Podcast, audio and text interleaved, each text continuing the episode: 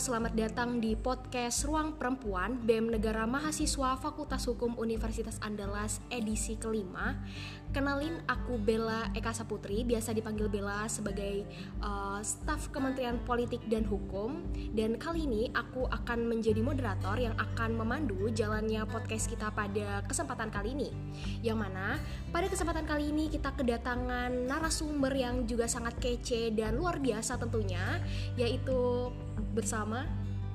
Halo, aku Nurul Ismi yang mungkin dikenal sebagai Ismi sebagai itu ya mungkin sebagai wakil presiden BEM NM mahasiswa Fakultas Hukum Universitas Andalas Kabinet Senari Asa tahun 2021 tahun 2022 dan juga ada dari salam kenal, uh, aku Inati Rusna, bisa dipanggil Naya, uh, Ketua Umum Justice Fakultas Hukum Universitas Andalas.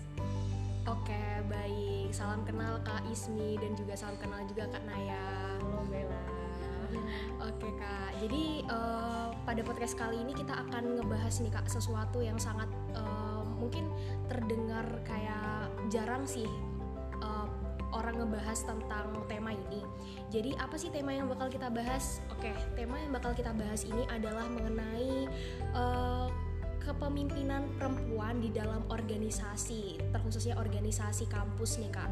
Jadi mungkin banyak nih kayak isu-isu yang beredar di masyarakat bahwasannya eh, banyak yang bilang bahwa perempuan itu adalah kaum kedua, kaum kelas kedua yang mungkin dianggap lemah dalam memimpin organisasi dan juga banyak juga yang notabene di Indonesia ini juga banyak perempuan yang keterlibatan di dalam menjadi pemimpin itu sangat sedikit. Mari oleh karena itu eh, dalam podcast kali ini kita akan ngebahas tuntas nih mengenai bagaimana sih peran perempuan dalam keorganisasian di dalam organisasi kampus khususnya gitu kak.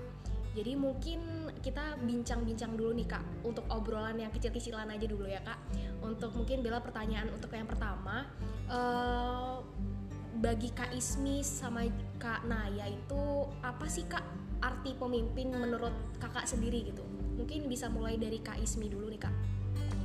Oke dari aku dulu ya Kalau ditanya arti pemimpin mungkin sampai sekarang nggak ada arti yang memang konkret gitu ya pengertian pemimpin. Cuma eh, menurut aku kalau pemimpin itu adalah setiap orang memang eh, pada awalnya memang nggak siap untuk menjadikan pemimpin. Bahkan pemimpin yang saat ini memimpin mungkin pas awal dulu bukanlah seorang pemimpin. Jadi pemimpin itu menurut aku adalah suatu proses.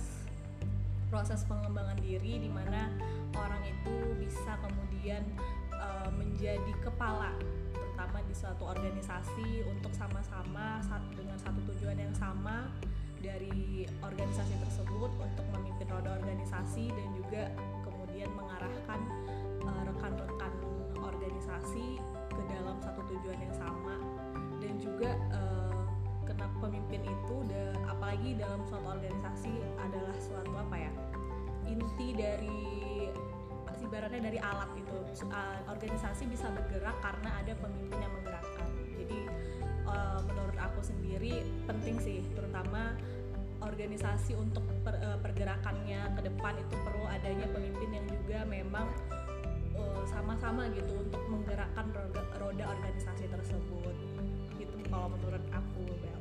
Oke kak, keren sih kak. Mungkin langsung ke kak Naya aja gimana tuh kak? Pemimpin bagi kak Naya. Sih, pada dasarnya tiap-tiap manusia itu dari awal sudah menjadi pemimpin, yaitu pemimpin bagi dirinya sendiri. Uh, dalam hal keorganisasian, pemimpin itu adalah seseorang yang bisa merangkul, merangkul anggotanya, merangkul orang-orang di sekitarnya, uh, dan pada dasarnya seorang pemimpin itu uh, adalah orang-orang yang belajar menerapkan berbagai aspek seni. Maksud saya di aspek seni itu seperti seni mendengarkan. Contohnya, seni mendengarkan itu kalau kita jadi pemimpin bukan berarti kita uh, mendengarkan hati kita sendiri aja, orang ngikutin kita aja, tapi uh, gimana kita mendengarkan uh, kritik dan saran dari anggota-anggota, dari dari pihak luar eksternal uh, dan juga mendengarkan keluh kesah dari anggota dan dari situ kita bisa mengambil keputusan ke depannya. Seperti itu. Bener-bener kak. Jadi mungkin kalau kita definisikan pemimpin itu setiap orang tuh punya definisinya beda-beda gitu ya kak. Karena ya hakikatnya juga pemimpin itu penting dalam sebuah organisasi gitu. Baik itu organisasi kemasyarakatan maupun organisasi di dalam kampus. Jadi um, kalau misalnya Bella lihat uh, Kak Ismi dan juga Kak Naya ini kan salah satu pemimpin dalam organisasi ini Kak. Apalagi perempuan lah istilahnya. Kalau misalnya di uh, banyak yang bilang bahwa perempuan itu uh, kayak misalnya dia nggak cocok menjadi pemimpin dia kayak kaum yang lemah gitu. Tapi mungkin Bella bisa lihat uh, apa yang disampaikan Kak Naya sama Kak Ismi tadi nggak hanya perempuan juga yang bisa jadi pemimpin eh nggak hanya laki-laki aja yang bisa jadi pemimpin gitu Kak. Tapi perempuan pun bisa meng, uh, bisa masuk dalam kepemimpinan. Uh, mungkin bisa nih kak dijelasin dari kak Naya dulu lah kak. Uh, kakak gimana sih kak pertama kali gitu kakak? Apakah kakak sebelumnya sebelum menjadi ketua Mapala ini sebelumnya pernah nggak jadi pemimpin kak? Dan gimana sih kak perasaan kakak jadi mimpin orang-orang tim kakak apa anggota kakak gitu kak? Uh, mungkin uh, jujur aja sebelumnya uh, aku belum pernah nih jadi ketua atau wakil. Biasanya paling kayak jadi anggota uh, kayak gitu. Jadi staf ahli gitu waktu SMA uh, kayak suatu hal yang mengejutkan juga sih kok bisa orang-orang milih aku di antara banyak cowok-cowok lain nih yang mungkin lebih kompeten gitu uh, bisa dibilang uh, jadi ketua sekarang ini suatu pembelajaran dalam hidup juga kan. Gimana mengetuai laki-laki yang juga mungkin susah walaupun dia sedikit di Mapala tapi uh, berdamai atau berdebat dengan mereka juga butuh seninya sendiri kayak gimana uh, mengontrol kawan-kawan apalagi ketika pandemi ini gimana caranya mengatur organisasi biar tetap berjalan suatu pembelajaran tersendiri lah bagi aku. Kalau Kak Ismi gimana kak? Tentang iya tentang pengalaman kakak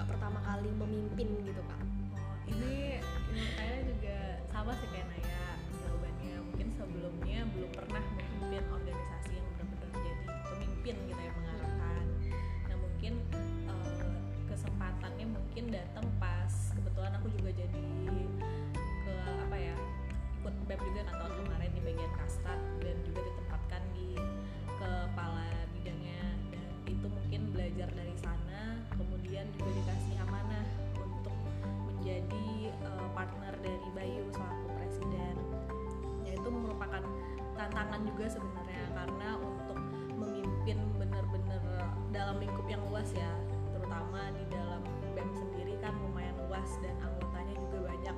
Dan juga kalau di BEM itu benar-benar gak hanya kemudian kita mengetua, mengetuai dari organisasi itu sendiri tapi relasi gina, relasi kita gimana ke luarnya misalnya ke UKMF ke Hima itu kan memang harus dijaga dengan baik. Nah di situ memang PR PR-nya dan aku juga sebenarnya juga belajar dari Bayu juga karena sebelumnya kan dia memang sudah banyak memimpin.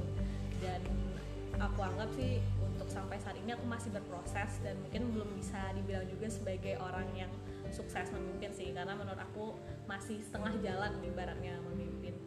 Dan e, pengalamannya mungkin sangat itu juga ya sangat luar biasa juga karena emang dikasih kesempatannya mungkin kesempatan sekali lah ya sekali dalam masa perkuliahan bisa menjadi e, diberi kesempatan untuk dapat memimpin teman-teman dari BEM dan itu e, sangat membanggakan juga terutama untuk aku gitu. Oke baik kak, mungkin itu ya kak. Uh, kalau misalnya gini kak, ada yang menyebutkan bahwa kan kakak bisa dibilang kayak uh, beruntung lah ya kak. Jadi perempuan jadi sebuah seorang pemimpin, pemimpin gitu ya. tuh beruntung banget lah. Karena banyak banget yang laki-laki bahkan itu kan sebenarnya uh, kalau misalnya ada laki-laki yang bisa memimpin, kenapa harus cowok gitu? Banyak yang bilang kayak gitu juga kak. Terus gimana sih menurut kakak pendapat uh, kak Naya sama kak Ismi juga yang banyak yang bilang bahwasannya perempuan itu dianggap lemah kalau dalam memimpin. Perempuan itu adalah kaum kelas 2 dan ya uh, mungkin bisa dibilang nggak cocok lah banyak yang bilang kayak gitu nggak cocok jadi pemimpin karena uh, perasaan perempuan itu emosionalnya pakai perasaan dia tidak pakai logika atau kayak mana gitu kak mungkin kak Ismi kak. Kayak mana tuh? Nah itu mungkin apa ya stereotip ya stereotip dari masyarakat terutama mungkin laki-laki uh, gitu menganggap bahwa kalau misalnya pemimpin kan memang di, di proyeksikan tuh laki-laki ya kebanyakan dari dulu. Nah kalau misalnya ada laki-laki kenapa sih perempuan harus memimpin nah mungkin di celahnya karena kita juga mempunyai kesempatan yang sama organisasi terus juga kita sebenarnya juga punya kesempatan yang sama untuk memimpin organisasi tersebut. Karena kalau misalnya dibilang kesempatan kesempatan kan bisa datang ke siapa aja itu tergantung orangnya.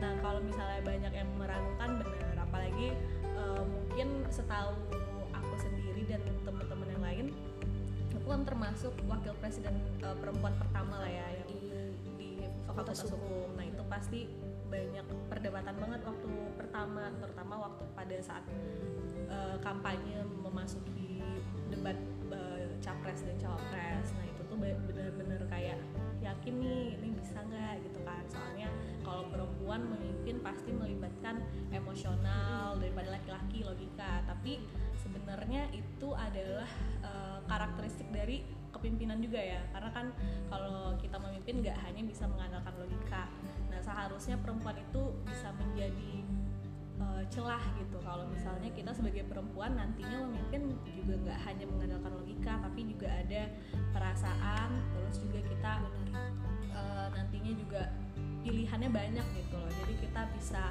nggak hanya uh, ada satu apa ya satu misalnya kita dapat konflik terus kita menyelesaikannya secara oh langsung gini kan nggak pasti ada pertimbangan dan mungkin kelebihannya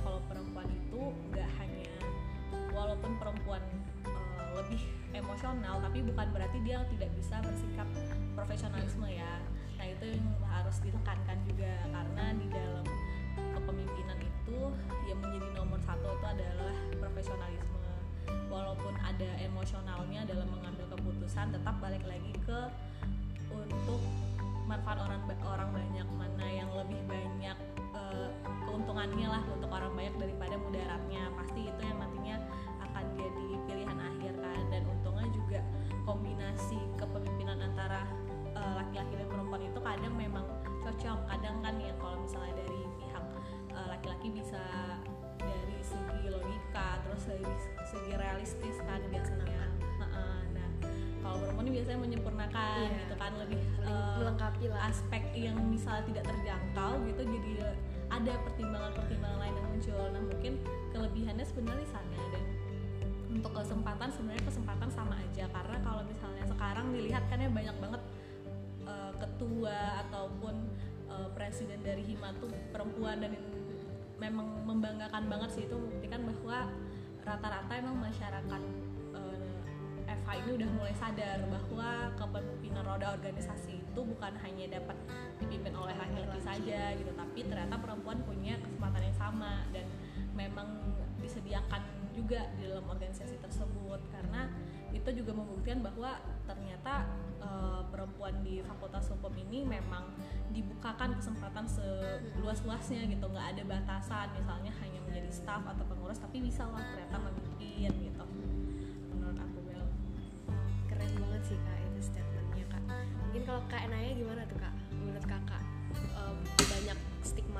negatif tentang perempuan itu nggak baik loh jadi apalagi MDJ ya hmm. mungkin ya. Iya bener. Mapala tuh kan kayak keras gitu identiknya iya. kayak banyak cowok gitu kan kak. Gimana tuh kak Naya? Menurut aku ya belum lagi kan aku ketua di organisasi yang orang mikirnya mapala nih keras iya. nih main fisik iya, segala macam gitu kan. Uh, harus yang kayak kuat-kuat gitu orangnya gitu kan. Mungkin banyak orang yang bagus jurusan ketua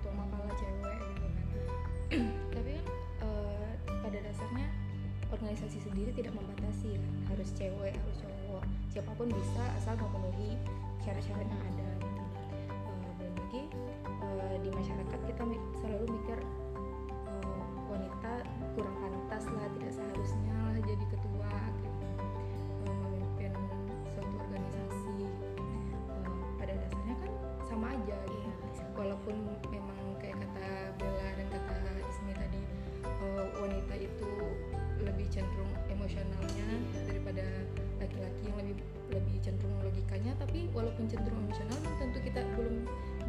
kita tidak memiliki logika gitu.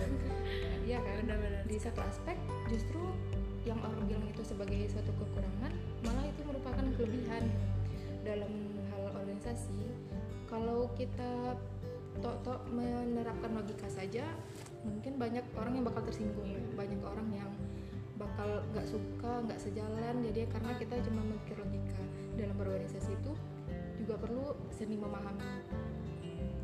Kalau misalnya uh, kayak kita bilang ada kadang pilihan-pilihan itu yang harus memilih win-win solution gitu.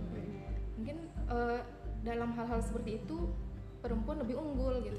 Karena dia bisa uh, bukan hanya dalam hal logika dia bisa uh, menilai dari segi-segi sosialnya segi perasaannya bisa menimbang dalam hal, -hal seperti, seperti itu gitu. Uh, dan alhamdulillahnya uh, aku di kepengurusan sekarang uh, wakil aku kan cowok gitu. Oh. dan kami sejalan lah gitu. Jadi kalau misalnya ngambil uh, suatu keputusan bisa diskusi jadi nyambung. Jadi keputusan pun bisa lebih enak gitu. Jadi saling melengkapi dalam pengambilan keputusan. Iya ya benar-benar kak. Mungkin kalau ada kalau hambatan-hambatannya nih kak dalam memimpin itu pasti ada lah ya kak organisasi dalam kita jadi seorang pemimpin hambatan-hambatannya itu apa aja tuh kak? Karena ya dulu. Hmm, kalau misalnya dalam kepemimpinan aku yeah. sekarang uh, dari segi eksternal diri aku uh mungkin terkait pandemi ini juga berpengaruh besar.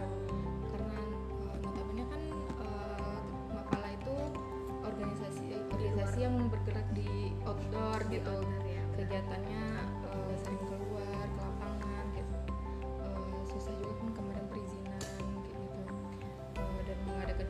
jadi di kepengurusan sekarang harus memutar otak gimana sih walaupun kita nggak bisa kegiatan keluar tetap ada kegiatan. Gimana Mapalani bukan cuma tinggal nama gitu bukan uh, tetap ada kegiatan gitu mencari cara kegiatan lain yang bisa diadakan uh, kayak misalnya webinar uh, eh, FGD kayak gitu.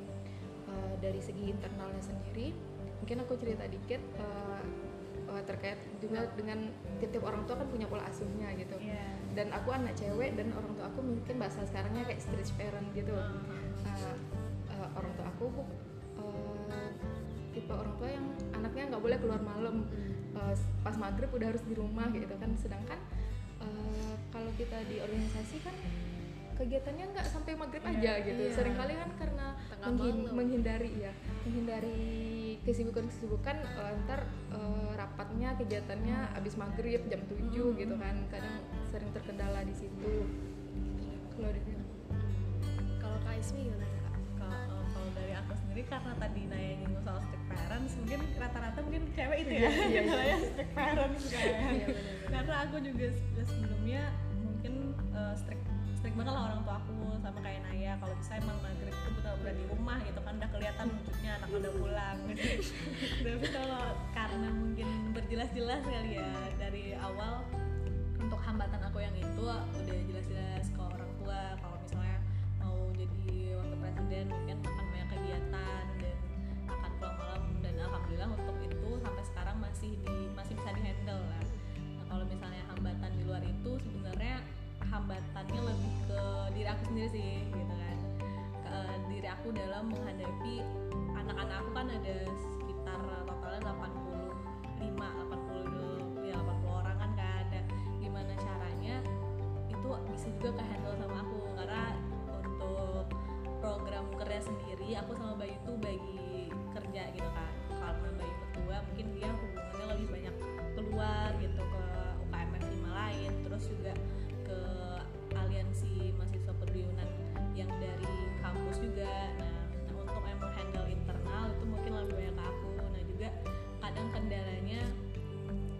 bahkan mungkin dibilang mungkin masih segan kali ya. Segan-segan gitu kalau misalnya mau minta tolong ke orang. Mungkin nih ya lebih kayak gitu ya. Karena baru pertama kali iya, mungkin juga jadi terus tiba-tiba jadi ketua kan otomatis seenggaknya harus memberikan uh, perintah lah ibaratnya untuk setiap menteri maupun uh, segmen terutama untuk keberlangsungan program kerja. Nah apalagi diisi sama teman-teman aku sendiri kan. Nah itu kadang aku Gak masih gitu. ya masih bingung mencampur hubungan antara apa ya profesional sama hubungan relasi internal ya hubungan pribadi. Kadang masih suka kecampur apalagi sama teman-teman yang main seangkatan terus emang suka main bareng. Kadang e, untuk menerapkan batasan-batasan itu aku juga masih perlu belajar. Tapi sampai saat ini e, untungnya aku juga juga dari Bayu gimana untuk membagi batasannya ini supaya nantinya nggak blunder gitu kan. Kita misalnya dihadapkan harus profesional tapi dia teman kita juga gitu kan.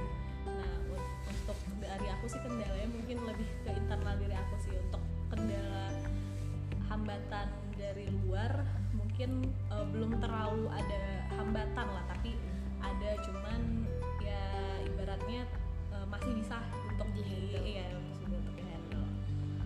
Oh ya benar sih kak. Tapi ada juga kak yang bilang kalau misalnya sebenarnya perempuan itu juga penyebab dari hambatan itu sebenarnya dari diri kita sendiri kak. Misalnya kan kita juga emosional bukan emosional sih maksudnya kita ada masanya sebulan sekali kan kita ada kayak ah, menstruasi. iya, itu iya. mungkin bisa mempengaruhi keputusan ataupun dalam kepemimpinan juga kan kak. Mood-moodan gitu kan banyak Ih, cewek nih kok eh perempuan nih kok bad moodan gitu kan mungkin gimana tuh kayak gitu bad mood bad mood kayak gitu iya sih benar juga sih kak apa sifat perempuan yang kayak gitu hmm.